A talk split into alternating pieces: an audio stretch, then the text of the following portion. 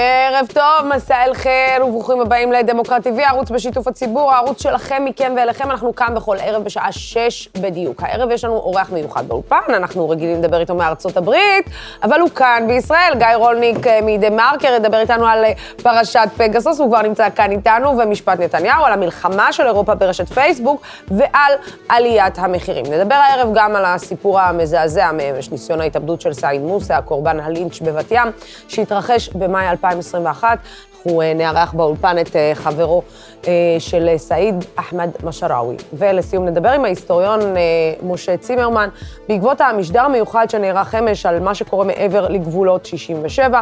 הוא ידבר איתנו על היחס של אירופה למערכת היחסים בינינו לבין הפלסטינים. אבל את התוכנית הזאת אנחנו נפתח עם האיש שאמר היום בכנסת שזו הממשלה הכי ימנית שהייתה בתולדות מדינת ישראל. הדובר הוא לא פחות מחבר הקואליציה, חבר הכנסת משה אה, מוסי אה, רז, שלום שלום לך ממרץ. שלום, שלום, לוסי, כיף להיות איתכם. אז, אה, אז רגע, מוסי, רגע, שנייה, אני מתבלבלת, אתה חבר אה, בממשלה, אז אה, איך אתה חבר בממשלת, בממשלה הכי ימנית שהייתה קיימת אי פעם במדינת ישראל? בגללך היא קיימת. כן, אבל גם הכי מורכבת, צריך להגיד.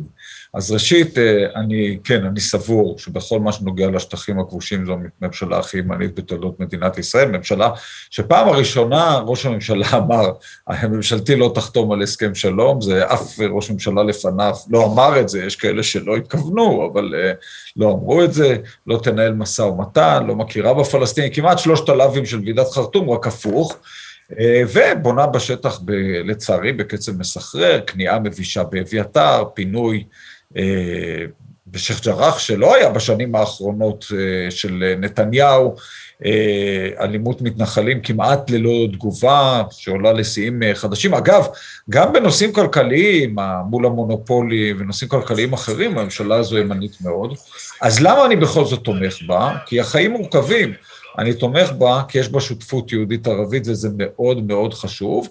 ואמרתי גם בכנסת, ואני אומר גם פה, שאני רואה מי האלטרנטיבה, אז uh, אני מעדיף את הממשלה הזו, כשאני רואה את אלה שהלכו לעשות פרובוקציות היום בנגב לאזרחים uh, בדואים, uh, אזרחים טובים, את חברי הכנסת מהליכוד ומהאיחוד הלאומי, שמנסים לנכס לעצמם את כל הציונות הדתית, שאני רואה את האנשים האלה ואת הקיצוניות שלהם, את הבריונות שלהם, אז אני מבין שיכול להיות גם יותר גרוע, ולכן אה, אני אה, תולה יהבי בממשלה הזו, שיש לה גם יתרונות גדולים בתחום התפקוד הסביבתי, הבריאותי אה, ודברים אחרים, אבל החיים הם מאוד מורכבים, זו ממשלה שיש בה הרבה מאוד טוב והרבה מאוד רע. אבל אתה יודע, מוסי, בסוף אמירות כאלה, לא רק שהן מערערות את יציבות הקואליציה, הן גם אמירות שמערערות את uh, הבוחרים שלכם, ומערערות גם את היציבות בהסתכלות שלנו כאזרחים uh, uh, על, על אופן ההתנהלות של הממשלה הזאת. כי אם חבר בקואליציה בעצם בא ואומר, הממשלה הזאת היא הממשלה הכי ימנית uh, בתולדות מדינת ישראל, ובעצם היא מתנהלת, uh, גם בהיבט הכלכלי, מתנהלת לא נכון. ו... אז אתה יודע, אז בסוף אנחנו מסתכלים ואנחנו אומרים, אז מה? מה היה המטרה בסוף? רק לא ביבי? רק לא נתניהו? לא, המטרה... אה, קודם כל אני חושב שיש יותר ממטרה אחת. ולפני שאני עוסק בפרשנות מה יחזק את הקואליציה ומה עושה לבוחרים שלי נעים באוזן אה, לשמוע, אה, אני עוסק באמת. והאמת היא, אה, כפי שתיארתי אותה, גם בנושא של השטחים הכבושים וגם בנושא כלכלי יחס למונופולים ודבר, ונושאים כלכליים אחרים, לא, לא אפרט כרגע על הכל, אבל כפי שאני אומר, יש גם צד uh, שני, ואני חושב, אגב, אני בכלל לא בטוח שזה מערער את יציבות הקואליציה. את חושבת שאם הייתי אומר שזו הממשלה השמאלית ביותר בתולדות ישראל, זה אולי היה מערער את יציבות הקואליציה. Uh, נראה לי שחצי לפחות מהממשלה הזו מאוד שמחים שאני אומר את זה, ובוחרים שלנו, יכול להיות שאולי קצת חלקם כועסים עליי, אבל אני חושב שחלקם יודעים שזו האמת, וזו אמת מורכבת, זה לא מקטין מתמיכתי בממשלה הזו, כי כשאני תומך בממשלה אני חייב לזכור מה האלטרנטיבה, וכפי שאני אמרתי, יש בממשלה הזו גם דברים חיוביים מאוד שלא היו מעולם. מספר כל כך גבוה של נשים, השותפות עם, ה, אה, עם, עם האזרחים הערבים. אה, בעיניי אלה דברים מאוד מאוד חשובים, פעולה סביבתית, שבעיניי זה הנושא הכי חשוב בעולם היום, השני הכי חשוב בישראל, הנושא הסביבתי. כך שיש לי דברים לומר בזכות הממשלה, ולכן אני לא חושש להסתיר את הביקורת גם בתחום אה, כלכלי וגם בתחום של המאבק בכיבוש. ו- ו- וגם בדברים אחרים, אגב, הממשלה היום, אה, שוב זכיתי גם היום, כפי שאני זוכר כמעט כל שבוע, להצביע נגד הצעת חוק שאני עצמי הגשתי. הפעם זה היה בנושא ייצוא, ייצוא נשק למדינות אה, טוטליטריות, כן? אז לצערי, קואליציה מוותרים. אני באופן אישי מבין את זה. ואני חושב שראוי שגם הבוחרים יבינו את זה, וככה אנחנו נתמודד יותר טוב עם השאלה איפה צריך לוותר ואיפה אסור לוותר. אגב, עובר לך אה, לפעמים, אה, עוברת, עוברת לך המחשבה לפעמים לקום ולהתפטר מהממשלה הזאת? אני חושב שחבר קואליציה שזה לא, שלא עוברת לו המחשבה הזו, חוטא לתפקידו. שתי מחשבות עוברות בי כל, אה, כל יום. אחת, לקום ולהצביע נגד הממשלה, ושנייה, לקום ולעזוב את הכנסת ולהגיד, אוקיי, יכול להיות שהממשלה הזאת צריכה להתקיים, אבל אה, גדול עליי לקיים אותה. ולאופציה השנייה הייתי מאוד מאוד קרוב בהצבעה הראשונה על חוק האזרחות. אה, מאז לא נדרשתי למעשה כל כך אה, קשה מצד אחד, ומצד שני אולי גם אני מתחיל להסתגל למצב הזה, שהוא מצב מורכב ומסובך. אבל אני עדיין חושב שטוב קיומה של הממשלה הזו מאי קיומה של הממשלה הזו. וכן, אני ממש לא רוצה שנתניהו יחזור, אבל נתניהו איננו הסיבה היחידה מדוע רע מאוד שתהיה ממשלה אחרת. כן. אה, חבר הכנסת אה, מוסי רז, אה, תודה רבה לך על השיחה הזאת. תודה רבה. אה, האם, אה, ועכשיו אנחנו עוברים, האם הממשלה הנוכחית היא ימנית גם אה, מבחינה כלכלית? אנחנו נגיד ערב טוב לאיש יקר, גיא רולניק, שהגיע לבקר אותנו מארצות הברית. דה מרקר, הערב בשעה שמונה יכריזו ליברמן ובנט על תוכנית למאבק ביוקר המחיה.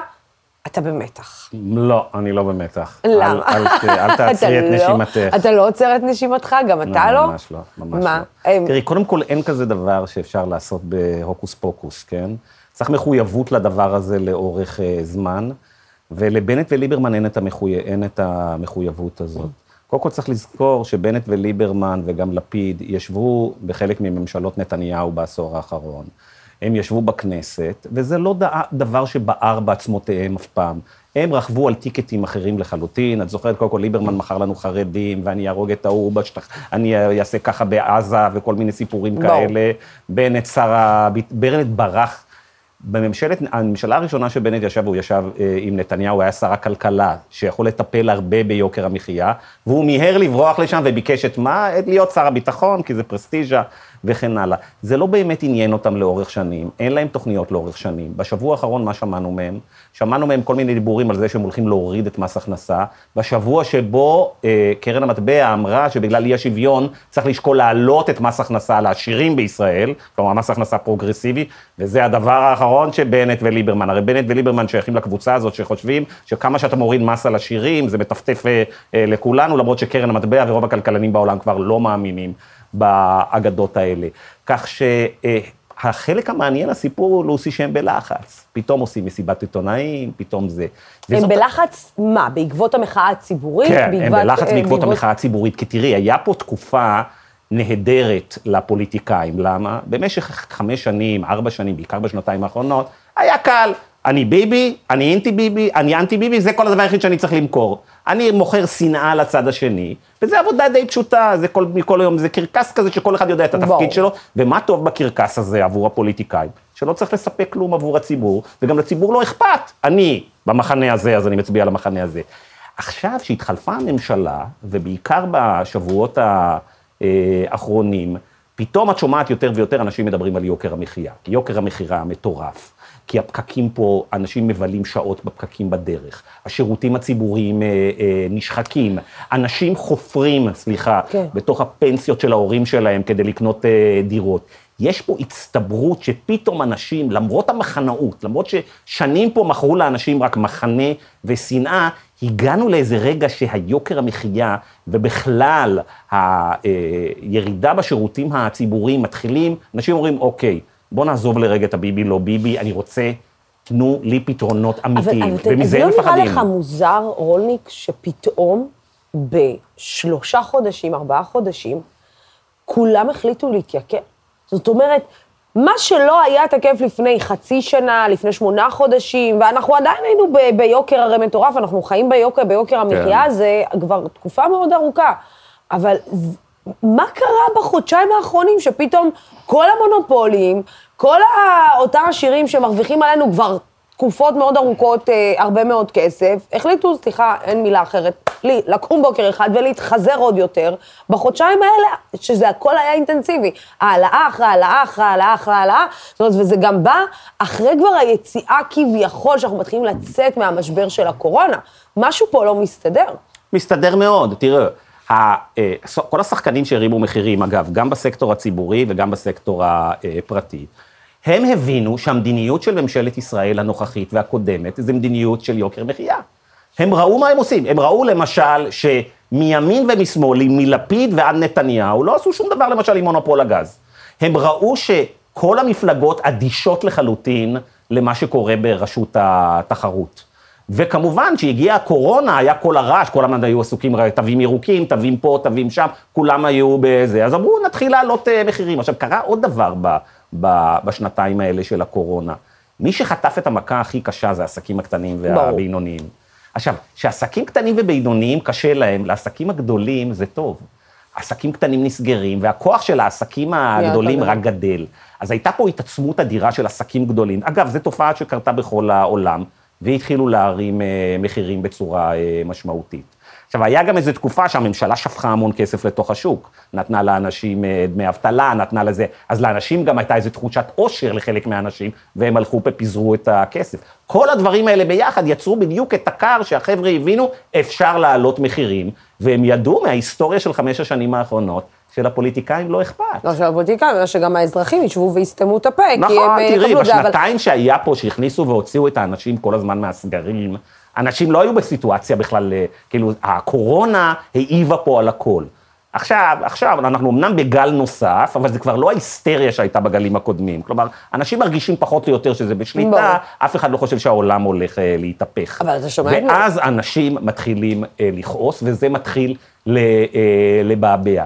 גם יש את העניין הזה בחמישה חודשים הראשונים של, ה, של הממשלה הזאת, כל הזמן איימו עלינו, נו, נו, נו, תהיו ילדים רעים, לא תדברו, ביבי, ביבי אה, יחזור. יחזור. פתאום אנשים מרגישים, ביבי לא חוזר כנראה, הש, השמיים לא נפלו, אי אפשר כבר לשחק בינינו של ביבי, לא ביבי, ואז אנשים מתחילים לשאול את עצמם, רגע, אגב, מה אגב, קורה, פה? אגב, כשאתה שומע את נתניהו אה, אומר שזאת הממשלה הכי... האנטי-חברתית הכי אכזרית אה, לעומתו, לאזרחיה. זה סימן שהוא אוהב אותה, כי זה בדיוק מה שהוא עשה. אם הוא אומר את זה, סימן שהוא אומר, זה הממשלה כלבבי. הממשלה הזאת עושה בדיוק מה שנתניהו עשה. הם לא שינו את הדעת של... תראי, הרי זה מדהים, הרי ליברמן רץ פה וסיפר פה שנתיים סיפורים על חרדים, כן? מה הוא עשה עם החרדים? הוא שלח אותם ללמוד לימודי אה, אה, ליבה. הממשלה הזאת ממשיכה בתוואי של ממשלת אה, נתניהו, ואני אגיד לך גם למה. כי לטפל ביוקר המחיה זה נורא קשה וזה נורא כואב. אתה צריך להילחם עם כל העולם.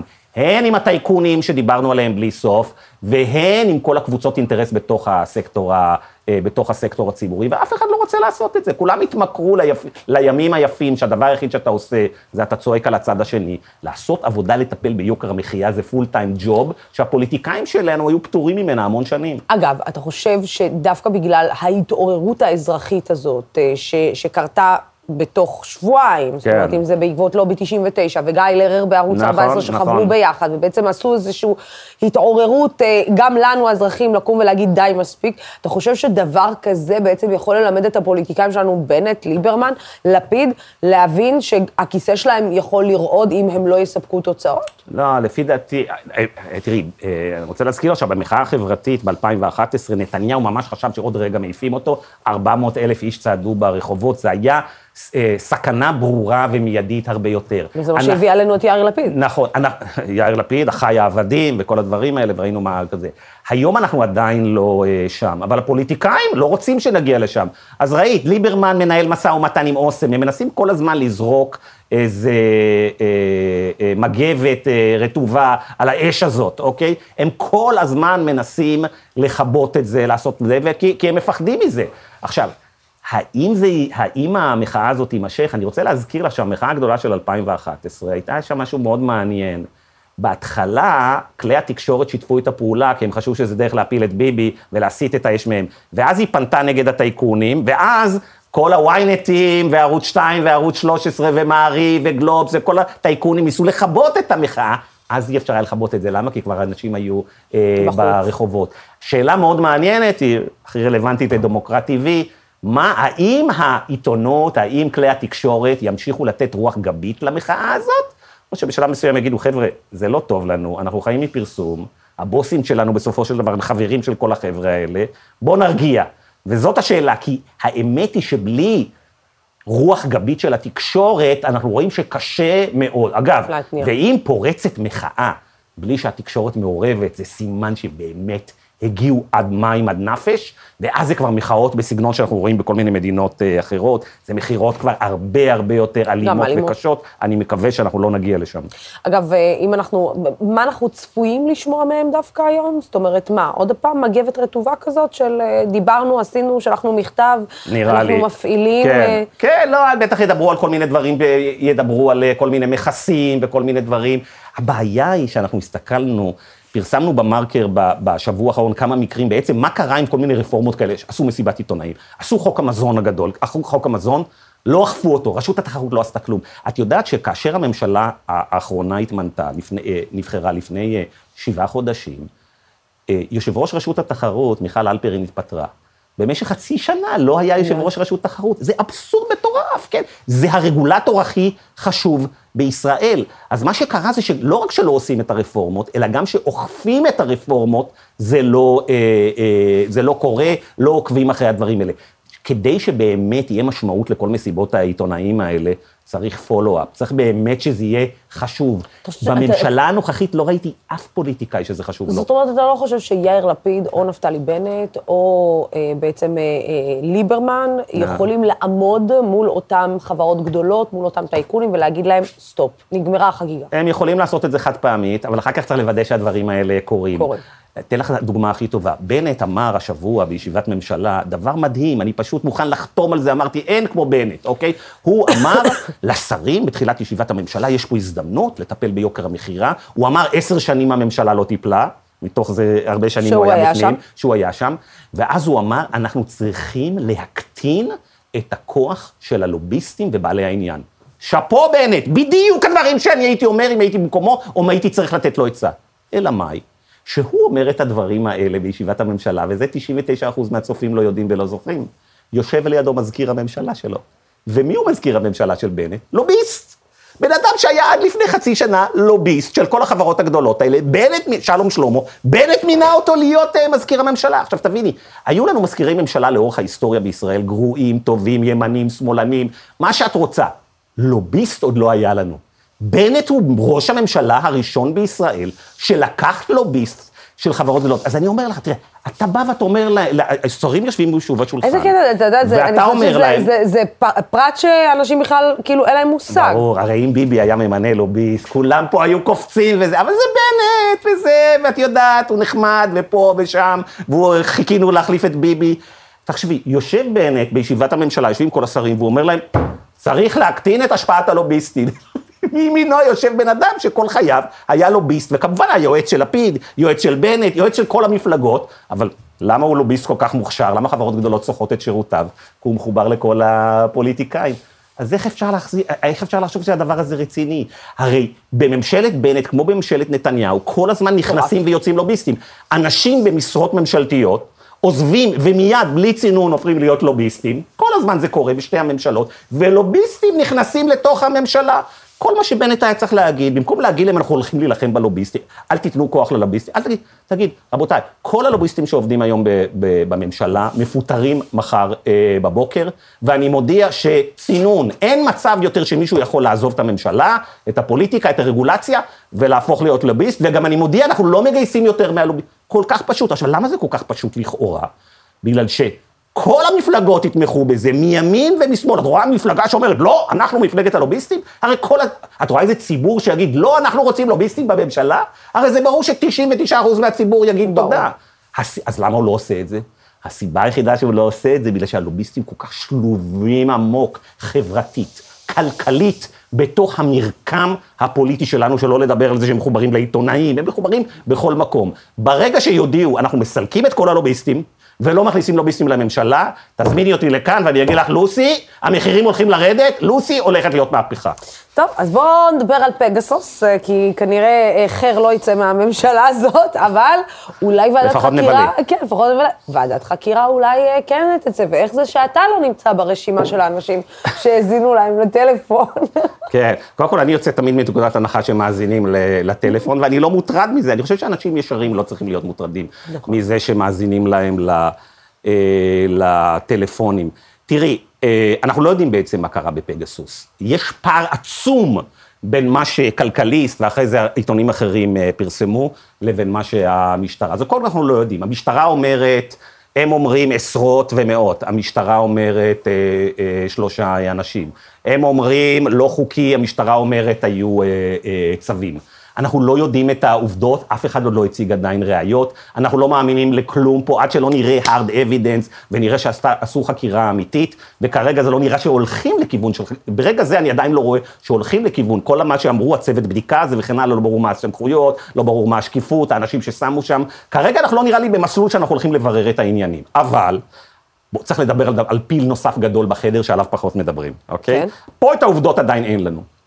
העיתוי. מתי מגיעה פרשת NSO ופורצת ותופסת את כל השיח הציבורי בשבועיים האחרונים? רגע אחרי שהאדונים טיעון? המכובדים? בדיוק, רגע אחרי שהאדונים המכובדים, נתניהו ונוני מוזס, לא מצליחים לקבל ממנדלבליט את עסקת הטיעון, שהם עבדו עליה בשקט, רחוק מעיני הציבור כנראה חודשים שלמים, וכנראה הייתה ממש אמורה להיסגר, ואז ברגע האחרון זה פרץ. עסקת, עסקת טיעון, כבר דיברתי על זה כאן בתוכנית, שערורייתית, גרועה, מטומטמת, אין לה שום הצדקה. הם לא מצליחים לקבל את זה, ותראי, מיד כאשר, כמה ימים אחרי שברור שאין עסקת טיעון, פתאום NSO, הכל, ופתאום זה משתלט על הכל, ומיד את רואה את כל כלי התקשורת, מתחילים להדהד את זה ב- אז רגע, אז בטירוף. מה אתה אומר, זה שזה הכל ספין? זאת אומרת, מה, זה... לא, לא, לא, זה לא מה- ספין בכלל, צריך להבדיל, זה ממש כאילו, לא ספין. מה, נוני מוזס דאג לא, שהפרשה זה לא ספין הזאת בכלל, תצא... לא ספין בכלל. אין לי ספק שיש גרעין אמת, ואני לא יודע את גודלו, בפרשת NSO. רק אני שואל, הרי בואי תראי, NSO, יש כבר שלוש, ארבע וחמש שנים תחקירים על הדברים המזעזעים שהחברה הזאת עושה. עכשיו שימי לב, הרי היא עשתה דברים מזעזעים פי מאה מאשר בישראל, בכל העולם. היא, החברה הזאת הייתה כותרות ראשיות בעיתונים הכי גדולים כן. בעולמים. דברים מחרידים. אדישות מוחלטת של הפוליטיקאים הישראלים, אדישות מוחלטת של רוב העיתונות, וגם עם הרמיזות שמשתמשים בזה בהרבה מאוד אה, מקומות. זה לא עניין אף אחד, כאילו, היו כמה תחקירנים שחזרו וכתבו על זה וכן הלאה. עכשיו פגסוס, איילת שקד קשורה עם, ה, עם הנסיעה של NSO, בנט בעצם אישר, ביבי שיווק את NSO בכל העולם. הם ידעו בדיוק מה, מה קורה שם. והרי גם לפי הפרסומים שהיו בכלכליסט במקומות אחרים בזמן האחרון, הדברים האלה נעשו כבר לפני כמה שנים. עכשיו פתאום כל הדבר הזה פורץ. העיתוי, ללא ספק, קשור אין, אין ספק, הרי, זה יכול, הרי היינו יכולים לקבל את הדבר הזה לפני חודש, חודשיים, שלושה, שנה ושנתיים. מישהו מאוד חזק, עם הרבה מאוד עוצמה, החליט לפרסם את זה עכשיו. עכשיו, למה? אני לא יודע. אבל יש שני אנשים במדינה שנהנים בגדול מהדבר הזה. ביבי, נתניהו ונוני מוזס. והשאלה היא, האם הדבר הזה היה אקט לפני ששוב פעם להכשיר את הלבבות של כולנו, לוסי? לעסקת הטיעון של או נתניהו לעסקה- ומוזס. אז זאת אומרת שאתה כן. אומר, בעודנו מדברים, יש מצב שנרקמת לה עוד עסקת טיעון אה, חדשה במחשכים? כן, זה יהיה קשה מאוד, בגלל שנכנסה רק עכשיו יועצת משפטית לממשלה אה, חדשה, אבל אין לי ספק, בואי, אם, נת... בואי, אם נתניהו רצה עסקת טיעון לפני חודש, הייתה לו סיבה שהוא רצה את העסקת טיעון הזה, הוא הבין שאם הוא ממשיך, הוא ונוני הבינו שאם הם ממשיכים במתווה הזה, יכול להיות שהם גומרים במעשיהו. אז הם רוצים את אותה עסקת טיעון גם היום. אה, לא השתנה שום דבר. מישהו תקע להם שם מקל בגלגלים בדקה ה-90, מנדלבליט רצה לחתום על העסקה הזאת, בגלל הלחץ על ציבורי, ובגלל הזה הוא, והוא סידרו את אהרון ברק כלוביסט. הם עדיין רוצים את עסקת הטיעון הזאת, עכשיו זה אולי יותר קשה, בגלל שיש יועצת משפטית לממשלה חדשה, והיא צריכה ללמוד את הנושא וכן הלאה. אבל אין ספק שכל פרשת ה-NSO, ראית את זה מיד שזה פרץ, ראית איך זה עובד, עשו ככה. מערכה ראשונה אומרים NSO פרצה, מערכה שנייה אומרים NSO פרצה למפגיני בלפור, מיד כל השמאל והמרכז, אה, צריך, אז, כולם קונים מיד את הסיפור. ואז שכולם מתלהבים שפרצו למפגיני בלפור, אומרים, בעצם פרצו גם לאנשים שקשורים בתיקי נתניהו. תראי את המהלך המתוכנן פה. ואז, אה, פרקליטי ראש הממשלה פונים לבית המשפט ומבקשים לעצור את המשפט. אגב, יש, טק, מצב, טק, יש טק. מצב כזה, למרות שזה נראה שבית המשפט לא ממש מתרשם אה, מהעניין הזה, ו... בית אבל... המשפט לא צריך להתרשם, רבותיי. תראו לי ראיות שלא ראינו עד עכשיו, שה, אה, שהפרקליטות תגיד, תשמעו, בתוך הראיות שאנחנו מבצעים להם את המשפט, יש NSO, אין כזה דבר so far. אז, אבל מה? בחוץ, בעיתונות, כולם צועקים לעצור את המשפט, כאילו שכבר הדברים האלה קרו. כן, גם בשמאל, דרך אגב, גם אנשי שמאל וגם אנשי ימין... בלבלו אותם. הם בלבלו את כולם. בלבלו אותם, בטח. אה, ואין לזה שום קשר לזה שאתה מדה מרקר או מכלכליסט, אנחנו רק אה, מעלים פה אה, תהיות, אבל... TheMarker פרסם נונסטופ דברים על זה, אנחנו לא הגענו על NSO. אל תתבלבלי, TheMarker פרסם, כן. לא, לא, אני פשוט אומרת, כאילו, אנחנו רק... מזכירים... אה, לא, אני אומר, העבודה בכלכליסט היא סופר לגיטימית, אני לא מדבר על זה. העיתונאי קיבל אינפורמציה, הוא מפרסם אותה, זה לא הנושא. אני שואל על העיתוי, כן, העיתונאי מקבל ומפרסם. אז בואו רגע שנייה נעבור אה, מ... בואו נראה אם... דרך אגב, אתה חושב שיש סיכוי שהמשפט הזה יידחה בצורה כזאת או אחרת? אה, הסיכוי הוא לא אפס, אבל אני לא רואה סיבה שצריך לדחות את ה... לפי מה שפורסם עד עכשיו. בואו נעבור רגע שנייה לאירופה. אירופה מחליטה שהיא רוצה לחסום את פייסבוק, אה, כן. את מתן השירותים של פייסבוק אה, בתוכה, להעביר מידע, מה לא בדיוק קורה שם? לא, מה, מה שקורה זה שיש משא ומתן שמתנהל בין האירופאים לאמריקאים כל הזמן, כבר הרבה זמן, על, ה, על אה, יישום של תקנות הפרטיות, מה החברות צריכות לעשות עם האינפורמציה שהן אוספות, והמשא ומתן הזה אה, לא מתקדם, או שהוא נתקע וכן הלאה, ופייסבוק רואה לאן זה, אה, אה, זה הולך, והיא אומרת, זה הולך להעמיס עלינו עלויות מאוד כבדות, לא נוכל לעמוד ברגולציה וכן הלאה, והיה איזה רגע שהוא הודלף כזה, שהם אמרו משהו כמו, אם זה יימשך ככה לא נוכל לספק שירותים אה, אה, באירופה. לא האירופאים רוצים את זה, ובוודאי, בואו נבין, אם, מחס, אם חס וחלילה מחר בבוקר פייסבוק נאלצת להודיע שהיא, אה, שהיא יוצאת מ, אה, מאירופה, המניה של פייסבוק נחתכת בשליש או בחצי. היא כבר נחתכה. ואת יודעת מה, ומה ש... לא, היא נחתכה מסיבות אחרות עוד לפני, כן. לפני, לפני האירוע הזה, ואז את יודעת מה האסון הגדול ביותר שיכול לקרות לפייסבוק? שהתברר שהעולם לא קרס.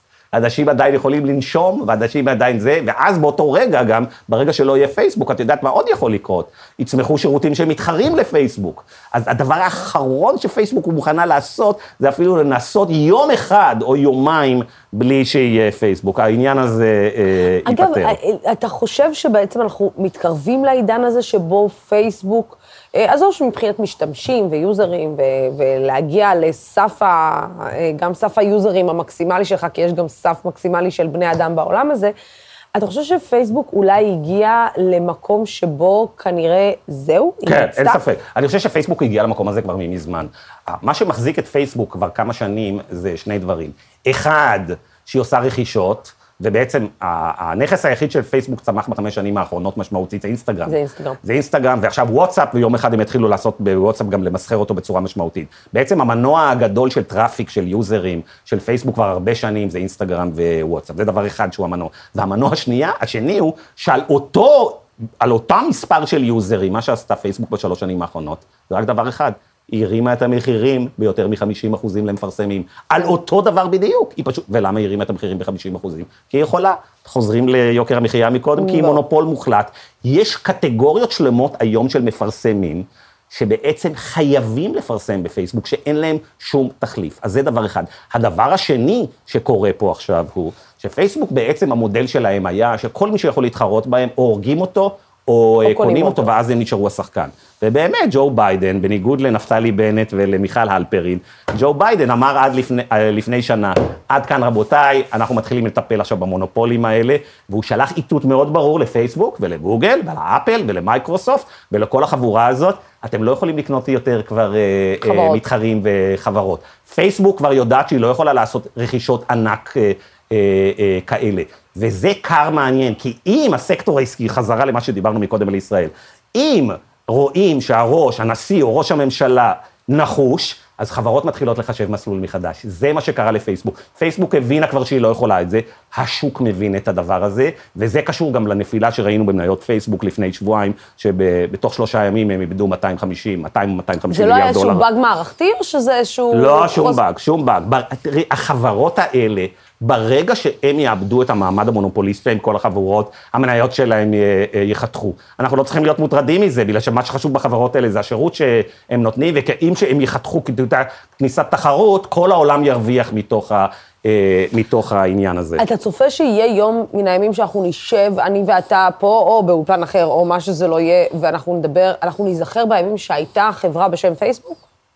קודם כל זה כבר קרה בגלל שהוא שינה את זה למטה. למטה. גם תרגיל שהוא עשה, כשהוא, כשהוא ראה שבכל הסקרים, פייסבוק בהדרגה זה קרה תוך חמש שנים, הפכה לאחת החברות הכי שנואות בארצות הברית. לדעתי פייסבוק היום זה מותג יותר שנוא מחברות הטבק, אוקיי? אז קודם כל, זה שקוראים לה כבר מטה, ולא פייסבוק, זה אומר שהוא מבין שפייסבוק יום אחד יכולה למות, אוקיי? אז זה השלב, ה, זה השלב הראשון. התשובה היא כן, בהחלט כן. ברגע שבו תהיה, ש...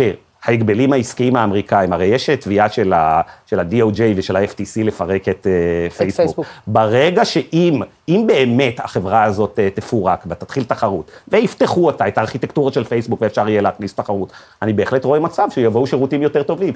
פייסבוק בסופו של דבר נותנת לנו שירות מחריד. כמויות ה junk, אני כבר לא נמצא שם חמש-שש שנים, נכון, אבל... בקושי.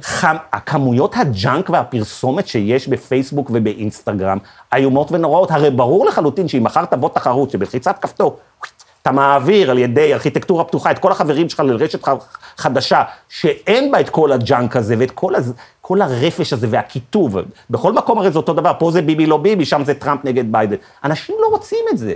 אתה יודע, אני, אני שואל אה, אה, אה, צעירים, אני שואל את הבנות שלי כבר כמה שנים, אני שואל אה, אה, אנשים, מה דעתם? זה אמרו לי, הצעירים כבר שונאים את פייסבוק. הם שונאים, ויתרה לא, לא, לא שם כבר הרבה מאוד שנים. חלקם גם שונאים את אינסטגרם, אז למה אתה שם? כי כולם שם, זה התשובה. אתה חייב להיות שם מהרבה מאוד אה, סיבות. אבל זה לא באמת כבר המצב שאנשים מתלהבים מהדברים האלה.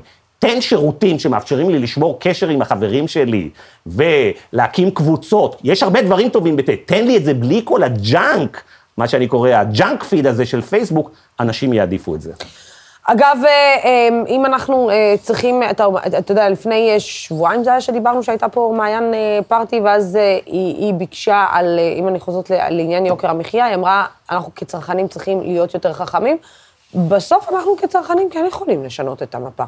לא ממש. אנחנו, הדבר היחיד שאנחנו יכולים לעשות כצרכנים, קודם כל, אנחנו יכולים כצרכנים, כשיש לנו, כשיש תחרות, אז אנחנו יכולים. אנחנו אומרים, לא מתאים לי פייסבוק, אני אלך למישהו אחר. כשאין תחרות, אנחנו לא יכולים אבל לעשות. אבל לא, זה לא מה שהוכחנו בשבועיים האחרונים? לא, ממש לא, לא הוכחנו כלום. מה, שהרי בסופו של דבר, אם... שאוסם בעצם אה, לא, מה פתאום, הרי אם בנט וליברמן ו, אה, ומיכל כהן, היושב ראש החדש של רשות ההגבלים העסקיים, לא באמת יפרקו את, ה, את השליטה של אוסם, אוסם תחזיר את המחירים. מה, את חושבת שכל שבועיים תהיה פה מחאה חדשה של הפסטה? לא, למה? כי בסופו של דבר, אוס...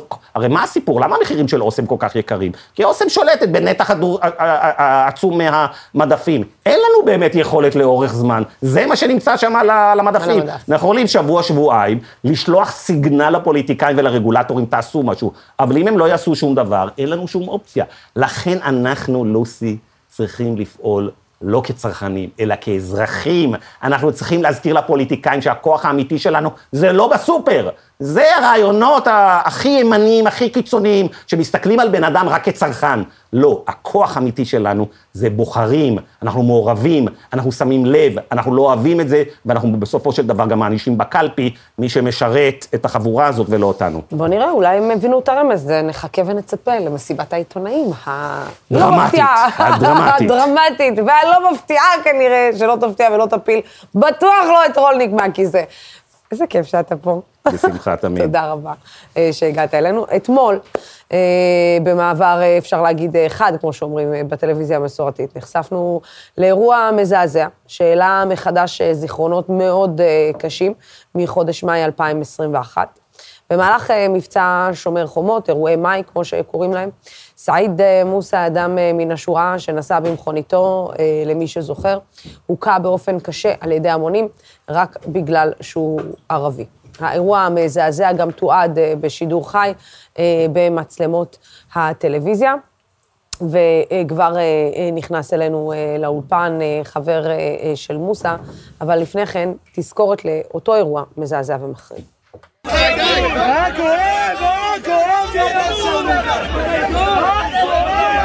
שרמוטה, יא זין. די, די, די. מה די? אם זה היה מישהו אחר, היו אומרים לו די? אם זה היה יהודי, אומרים לו די? חשמל, חשמל. לך, לך, השמאלני, לך. כן, אלו התמונות, אנחנו כמובן צנזרנו את התמונות וטשטשנו אותן, כי יש תמונות אה, שאולי ראוי גם לא להדהד ולא להראות אותן אה, באופן ברור. אה, אני רוצה להגיד שלום לאחמד משהראוי, אה, לשעבר חבר מועצת עיריית אה, תל אביב, ומכיר מקרוב את סעיד מוסא. שלום, שלום לך. שלום, שלום. איך הוא מגיע למקום הזה? באותו יום, ב-12 לחמישי? לא, או... איך הוא מגיע למקום שבו הוא בעצם מעדיף ליטול את חייו, מאשר להמשיך? טוב, צריך לספר את הסיפור מההתחלה. חייו של סעיד מוסא נעצרו ב-12 לחמישי.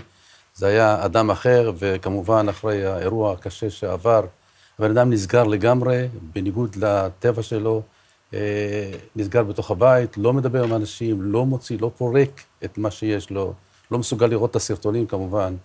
אה, את מנסה לדבר איתו, הוא ממעיט במילים, רואים שהוא צובר בפנים אה, מועקה מאוד קשה, פוסט-טראומטית, אני מתאר לעצמי, ומגיע מצב גם מבחינה כלכלית, שהוא מתקשה בתור איש ערבי, שיש מנטליות מסוימת שהוא צריך לפרנס את המשפחה, יושבים מולו ארבעה ילדים בתוך בית קטן של שני חדרים. הוא uh, שוכב כל היום על כדורים, גם בשעות היום, ילדים מגיעים מבית הספר, הוא נמצא שם, יושן בשעות הלילה, הוא חושב נונסטופ, אני אירחתי אותו, הוא אירח אותי כמה פעמים. מנסים לעודד אותו, אה, אוטוטו, יהיה שינוי, כנראה שגם תהיה תביעה בדרך. אה, זה לא עזר לו. מה שקרה לו, יומיים לפני זה, הייתה לו איזו ועדה של ביטוח לאומי, שאנחנו הרצנו בקשה לקצבה, הוא הוכר כנפגע פעולות איבה, וקיבל קצבה בהתחלה, יחסית בסדר, שיכול להסתדר איתה. ויום יומיים לפני זה הייתה לו ועדה, ומיד אחרי זה הורידו לזה 800 שקל. הוא ראה 800 שקל, לא עניין אותו פרטים קטנים, והדבר הראשון שהגעתי אליו לבית חולים, שאלתי אותו, איך אתה עושה לנו את זה, סעיד? אנחנו באמצע מהלך, לשפר את התנאים, לשפר את זה. הוא אומר, אחמד, מה אני אעשה? 800 שקל, מה אני אעשה? יש לי פה ארבעה ילדים, יש לי אישה, יש לי זה. עכשיו, צריך להבין, אשתו היא צמודה אליו, היא לא יכולה לעזוב אותו. הוא בדיכאון מתמיד, ואני הייתי בבית, והמצב הכלכלי מאוד קשה. היא אומרת לי אשתו אפילו, בארבע עיניים, אחמד, בוא תפתח את המקרר, אתה יודע, אין כלום. אז גם המנטליות שלו, גם כערבי, אה, את מכירה את זה בטח טוב, ברור. קשה לו בזה שהוא לא מצליח לפרנס את המשפחה. והוא אמר לאיזשהו חבר גם, שכאילו הוא רוצה להוריד את הסיפור שלו מהמשפחה, כאילו נטל בקטע הזה. נטל. הוא היה באמצע הליך של בנייה, של בית, הכל נעצר, הוא התפרנס מאוד יפה, הכל נעצר, מתחיל לחיות על קצבה בגיל 34. אפשר להבין את מה שהוא עובר, אבל גם הקטע הזה שהוא סגור באופן טבעי, הוא לא מדבר הרבה, הוא לא מוציא את הכעס, זה לא מקל על העניין. אגב, אה, אגב, איפה משרד הביטחון בסיפור הזה? הרי כדי להיות מוכר כ, אה, כנפגע פעולות איבה, אתה צריך להיות גם מוכר על ידי משרד הביטחון, וגם... יש, יש הכרה. על, יש הכרה. יש הכרה, לא משרד הביטחון, ו... זה בדרך כלל זה ביטוח לאומי שעושה את כל התהליך. יש הכרה בעזרתם של אנשי תקשורת שבאמת עזרו, הדברים רצו יותר מהר, יש הכרה, אבל כל כמה חודשים, שלושה, ארבעה חודשים, את צריכה להיכנס לוועדה ולהוכיח שאת פגועה, להוכיח שאת נפגעת, שאת אה, לא מתפקדת. וזה מועקה בשבילו, כאילו, לרוץ ולהביא ניירת, ותוכיח שאתה זה. ויומיים לפני זה הייתה לו ועדה, ובעקבות הוועדה הוא ראה... מה מסבירים בביטוח לאומי? כרגע מיד הייתה התערבות אתמול של המון אנשים, והובטח שתוך יומיים שלושה הוא מקבל את הקצבה שהוא היה רגיל אליה של כמה אלפי שקלים, שנותן לו אוויר לנשימה, אבל זה לא פותר את כל הבעיה. ברור. הרעיון הוא שכאילו עכשיו חי על uh, הקפאה. אבל אתה יודע, זה, זה אמור להיות כאילו עזרה, אני פשוט נתקלתי במקרה דומה של משפחה, זה מדהים שאנחנו מדברים, אבל אני נתקלתי במקרה דומה אה, על משפחה שנשכחה אחרי שהיא עברה לינץ' באחד הכפרים, גם באירועי אה, מאי, והבנה, וגם לאבא של הבית ולאימא של הבית קרה בדיוק את אותו הדבר, הם נסגרו, הם לא מצליחים להרים את עצמם, הם בטראומה, הם... הם ובאמת גם פניתי אה, אה, לביטוח לאומי, אבל, אבל זה לא רק ביטוח לאומי, זאת אומרת, זה שירותים גם של רווחה. איפה משרד הרווחה? איפה זה שירותים של אה, פסיכולוג אה, שצריך להיות אה, צמוד, של אה, מישהו שמלווה את המשפחה בעניין הזה. זה לא עניין של אה, רק של, אתה יודע, 3,000 שקל וסגרנו נכון, את נכון. הסיפור. צריך לומר שבעקבות השאלה שלך גם, איך הוא הגיע לזה, גם הקטע אולי שהוא נשכח. שמונה חודשים או שישה חודשים עברו, הוא כבר מרגיש אולי שהוא נשכח, הנושא שלו כבר לא בכותרות, הביא אותו לייאוש הזה. אבל אני מסכים איתך עם כל מילה, כאילו, מה שקרה פה, שגם המדינה הייתה אחראית בצורה ישירה לסיפור שלו. זה לא רק נכון. אנשים שזה... כי המשטרה שמיוצגת על המדינה, באותו יום ידעה כמה שעות לפני זה, וארגון מאוד ידוע שגם ארגן את כל העליהום הזה. זאת אומרת, המשטרה פישלה, לא הייתה שמה. אנשים ניסו להתקשר. מפשלת לא, אבל אה, אותו יום זה היה כן, משהו, הרי המשטרה כן. מודה בזה, שהתחילה לזוז, להזיז כוחות יומיים אחרי זה. היא הודתה כן. בזה, שהופתעה, אבל עדיין, כמה שעות לפני זה, לפי מי שראה את התחקירים שבוצעו, המשטרה ידעה, כל הוואטסאפים הסתובבו בכל האזורים. זאת אומרת, אם זה המדינה כבר חלק מהאחריות, בואי תחשבי על איזושהי קרן מסוימת, לארגן למקרים מיוחדים כאלו. תני לאנשים האלו לפחות, אה, כמעט הבן אדם הזה הלך. ואנחנו יודעים את זה, וראינו את התמונות הקשות. אז במקרה הוא ניצל, בואו נעמוד לצידו, לא בעניין של קצבה שיחיה, יאכל, ישתה וילך לישון, ובקושי יגדל ילדים ויחנך אותם. למצוא איזשהו דרך, אפילו אני פניתי אתמול, כאילו, לציבור הרחב, הוא בזמנו הציעו אחרי האירוע ב-12 לחמישי, הציעו לבוא לעזור לו, ארגונים, כל מיני... האגו שלו, אה, המנטליות, שמה, הוא לא יכול לפרנס וזה, אמר לא, ואני תמכתי בו, וניסו אנשים דרכי אפילו לפנות ולעזור לו, כיבדתי את הבקשה שלו, בוא נאמר. היום אני אומר, בואו חבר'ה, מי שיכול לעזור, ארגונים, אנשים פרטיים, אה, כל מיני עמותות שיכולות לעזור. אגב, ומה הוא עבד לפני כן? הוא עבד כנהג משאית, ובדיוק קנה משאית, ובאמצע בנייה של בית, והכל נעצר, והוא נמצא היום באזור המרכז, סגור בתוך אה, שני חדרים.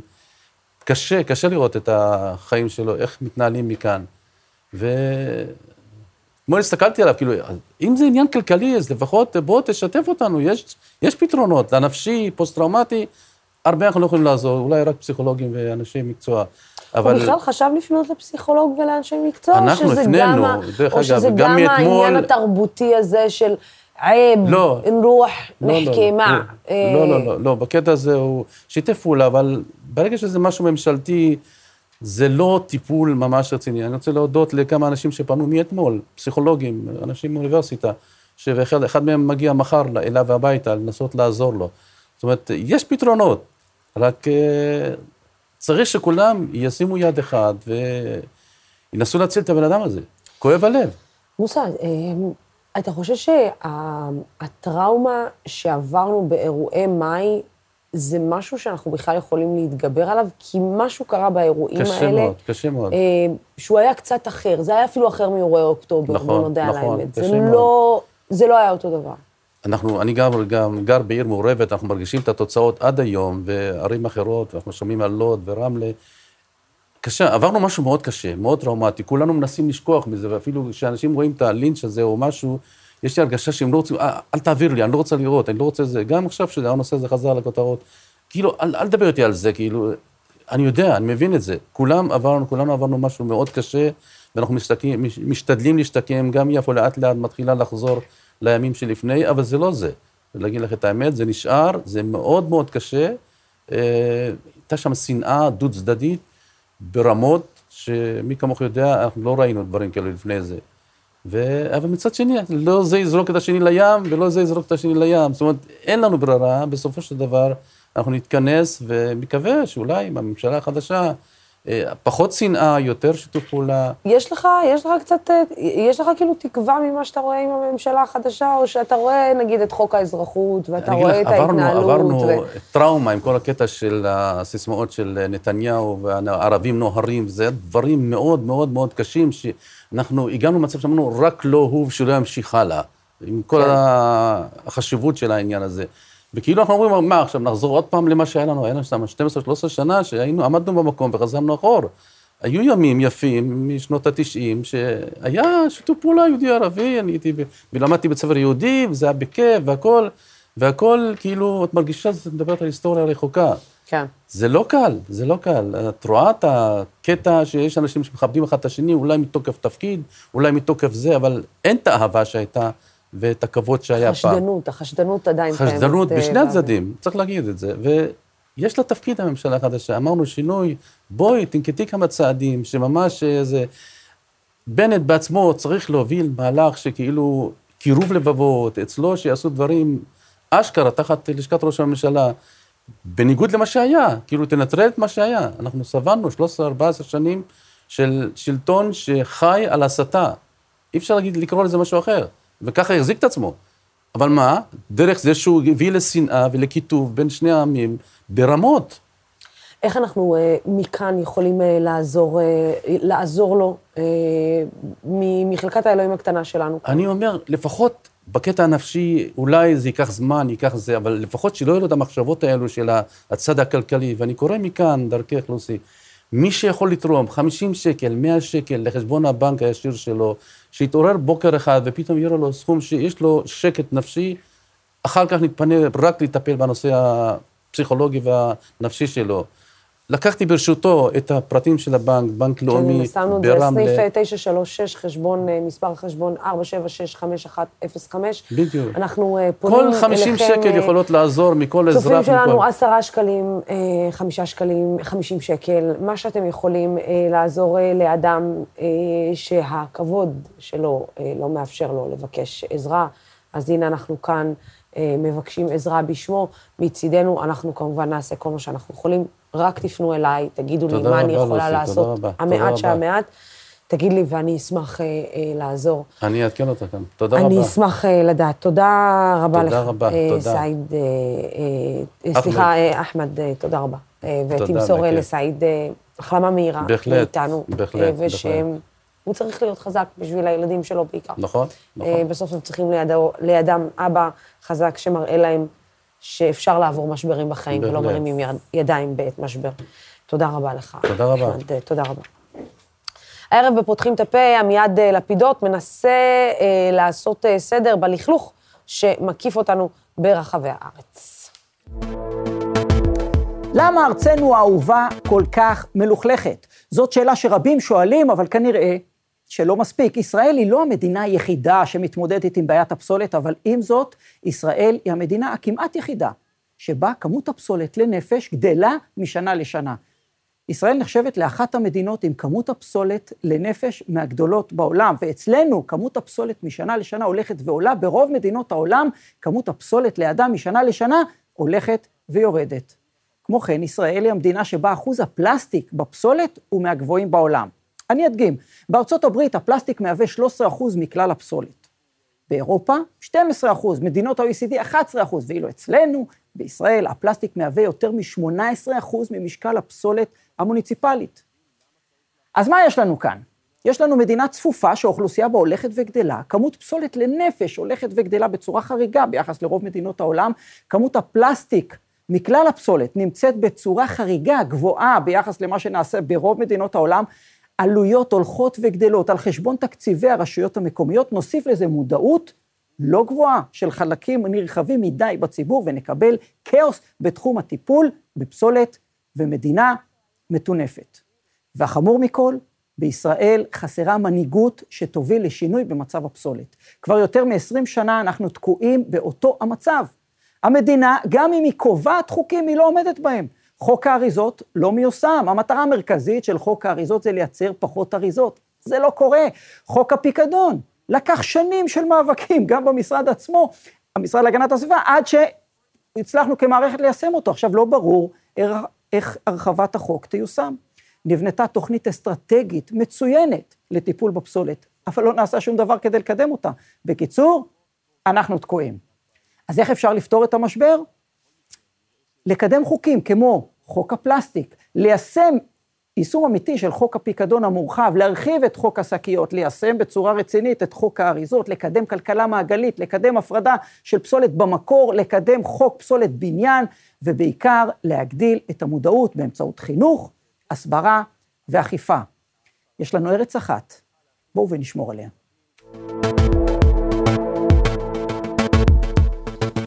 כן, אתמול ערכנו אה, משדר אה, מיוחד בנושא מה שקורה מעבר לגבולות 67. אה, בעקבות המשדר הזה החלטנו לארח הערב את ההיסטוריון, פרופ' משה צימרמן. תמיד כיף לי לשבת ולדבר איתו, והרבה זמן לא דיברתי איתו. מומחה להיסטוריה של גרמניה, כדי לדבר איתנו על היחס של מדינות אירופה, ובעיקר גרמניה ליחסי הישראלים והפלסטינים. ערב טוב, מר צימרמן, תודה רבה. איזה כיף לדבר איתך אחרי כל כך הרבה זמן שלא דיברנו. אנחנו אה, לא שומעים אותך, יכול להיות שאנחנו על מיוט, יש מצב? ו... תכף נבדוק. אה, לא, אנחנו תכף נבדוק את, אה, אז את הקליטה אצלנו. שומעים, בודקים אצלנו מה קורה עם הסאונד. אה, אנחנו בסדר. אה, תכף אנחנו נבדוק אה, מה קורה, לא, עדיין אה, לא שומעים. אז אנחנו רק נזכיר שאתמול ערכנו כאן משדר מיוחד, שבו דיברנו על גבולות 67, מדינת ישראל. לאן, האם בכלל מדינת ישראל מוכנה לדבר על הסכסוך הישראלי-פלסטיני ולהבין את הבעייתיות, או שאנחנו מעדיפים לטאטא את הדברים מתחת לשולחן? היה, הייתה שיחה מאוד ערה עם הרבה מאוד צדד, עם כל הצדדים בעצם אה, לגבי איך אנחנו תופסים אה, את היחסים שלנו בין ישראל לבין הפלסטינים, ואני חייבת לציין שאולי זאת הייתה אחת הפעמים היחידות, או, או המאוד, אה, אפשר להגיד, מיוחדות לאחרונה, שמדברים על יחסי הישראלים והפלסטינים, או ישראל והפלסטינים, בצורה כזאת. מזה הרבה זמן אני חושבת שהנושא הזה מטוטא מתחת לשולחן, ואנחנו מעדיפים לא לדבר על זה על האף. אה, גם אמרנו את זה אתמול, שהנושא הזה מכה בנו באופן מתמיד אה, בכל יום, אם זה בהיבט הכלכלי ואם זה בהיבט החברתי ואם זה אה, בהיבטים אחרים. Uh, לצערנו, uh, כן, אנחנו לא מצליחים, uh, אוי, אני חושבת שזה אחד הפספוסים הגדולים שלי, אני כל כך ציפיתי וחיכיתי לדבר עם פרופסור צימרמן, אבל לצערנו, uh, פרופסור צימרמן, אנחנו לא מצליחים לתקן את הקו איתו, אבל אנחנו מבטיחים לכם שאנחנו נערוך את הריאיון איתו בשבוע הבא.